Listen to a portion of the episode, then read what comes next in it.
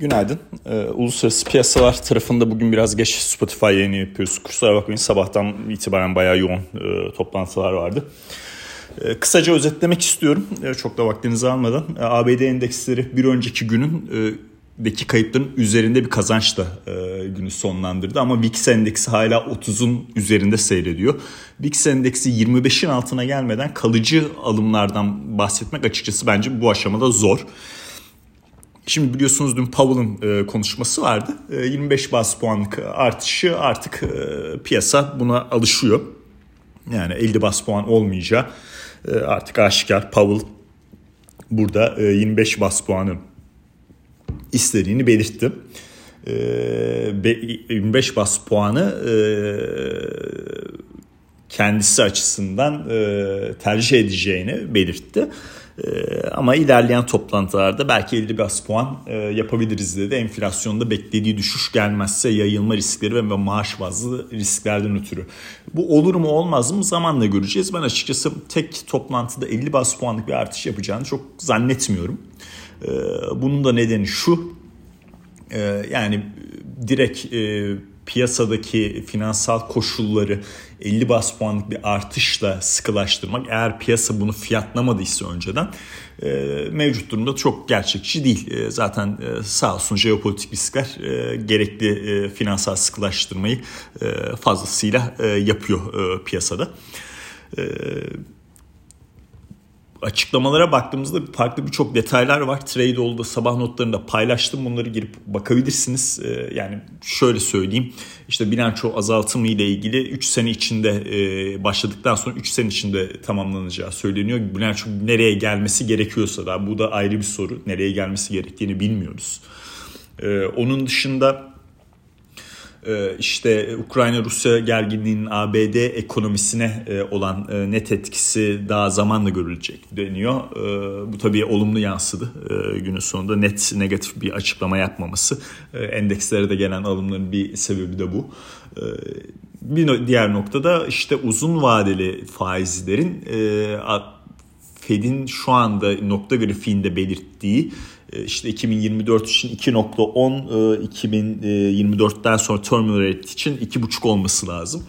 E, bu seviyelerin üzerine çıkabileceğini söylüyor. Olabilir. Bunu zaman gösterecek. Olamaz diye bir şey yok. Ama güzel bir indikasyon için yani piyasada bunu takip etmek nasıl olur diye sorarsanız genellikle Fed'in sıkılaşma döngülerindeki faizinin bitişi yani politika faizi sıkılaşma döngüsüne nerede bitmiş diye baktığımızda 5 yıllık tahvil getirisinin üzerinde sonlanıyor. Dolayısıyla bu sıkılaşma döngüsünde 5 yıllıklar 2.5'un üzerine çıkarsa ve oralarda trade etmeye devam ederse uzun vadede onun üzerinde bir politika faiziyle sonlanacağı söylenebilir. İzleyip göreceğiz.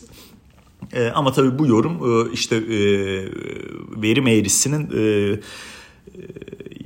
yıl bazında e, işte 5 ve daha sonraki kısmını e, getirilerde yükselişle etkiledi.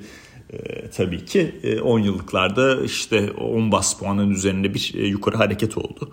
10 yıllıklarda 1.65-1.70 bölgesine gelirse güzel short imkanı veriyor bence. Yani bu da aklınızın bir köşesinde olsun. 10-15 bas puanlık bir marşı var orada. Geldiği zaman muhakkak o fırsatı veriyor. Mevcut durum tabii endekslere olumlu yansıdı dolara olumlu yansıdı. Ee, burada işte dolarda 1.10 e, seviyesinin altında 1.0870 e, desteği de e, söz konusu.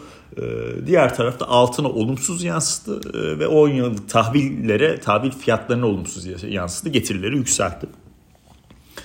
Ee, altın tarafında 1975'i kısa vadede geçemediğimiz sürece aşağı yönlü baskılar devam edecektir. Ee, bu fonlardaki pozisyonlanmalar ve ETF'lerdeki e yüksek e, alımlara rağmen spotun hareket etmemesi e, nedeniyle. ve en önemlisi tabii ki reel getiriler burada da mevcut jeopolitik riskler öyle bir noktada ki bunu tabii konuşmak biraz zor oluyor. Hemen bunu demişken Rusya-Ukrayna tarafına biraz konuşalım.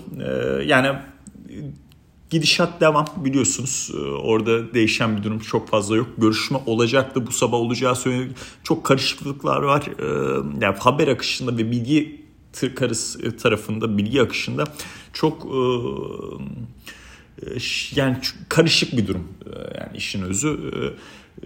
Ukrayna sosyal medya üzerinden bir savaş yürütüyor mevcut mücadelesinin yanı sıra. Dolayısıyla bilgi kargaşası da çok oluyor. Rusya tarafında da aynı şekilde yani Rusya'dan açıklanan şeylerde de bilgi karışıklıkları söz konusu.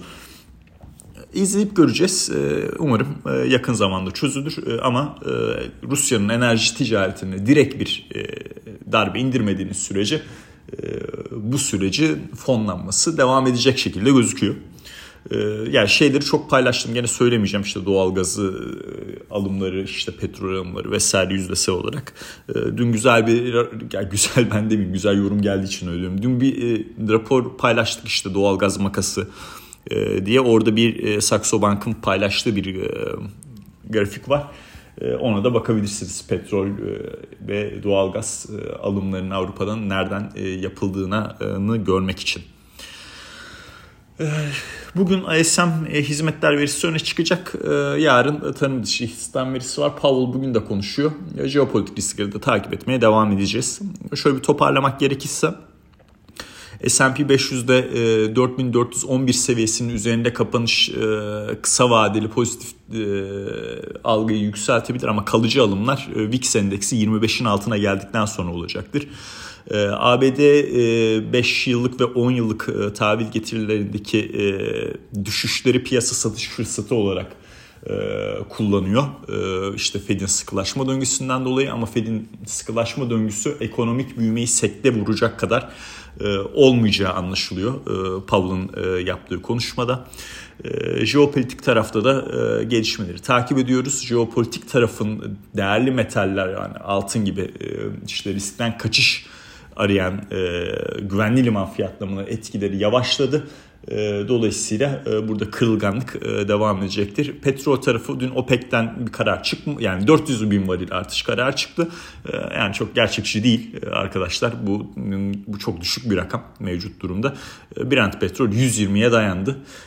Burada yani ne zaman bir satış fırsatı verir? Bunu açıkçası Avrupa'nın bir ay içinde hani e, Uluslararası Enerji Ajansı'ndan 1 milyon varil alacak e, ama Rusya'dan e, 2 milyon yani 3 Rusya'dan toplamda 3 milyon varil alıyor günde. E, artı bir 2 milyon varile ihtiyacı var. E, yani Rusya tarafını devreye de çıkarmak için. E, bu oldukça zor. Amerika tarafında da e, tabii e, ciddi petrol tarafında sıkıntılar var en azından benzin fiyatları açısından. E, Buğdaya falan girmiyorum. 11 dolarları gördük bu şalde. Biz Trade ID'ye yazdığımızda bu 8 dolarlardaydı. 8.90'lardaydı. Çok ciddi yükselişler yaşadı. Bu da global bazda enflasyonist riskleri arttırıyor tabii. E, özetleyeceğim dedim uzattım kusura bakmayın. E, belirttiğim noktalarda e, e, bir işlem günü olacak. Ee, yarın tarım dışı istihdam verisiyle beraber daha fazla e, herhalde maaş bazlı enflasyon risklerden e, konuşacağız. Dinlediğiniz için teşekkürler.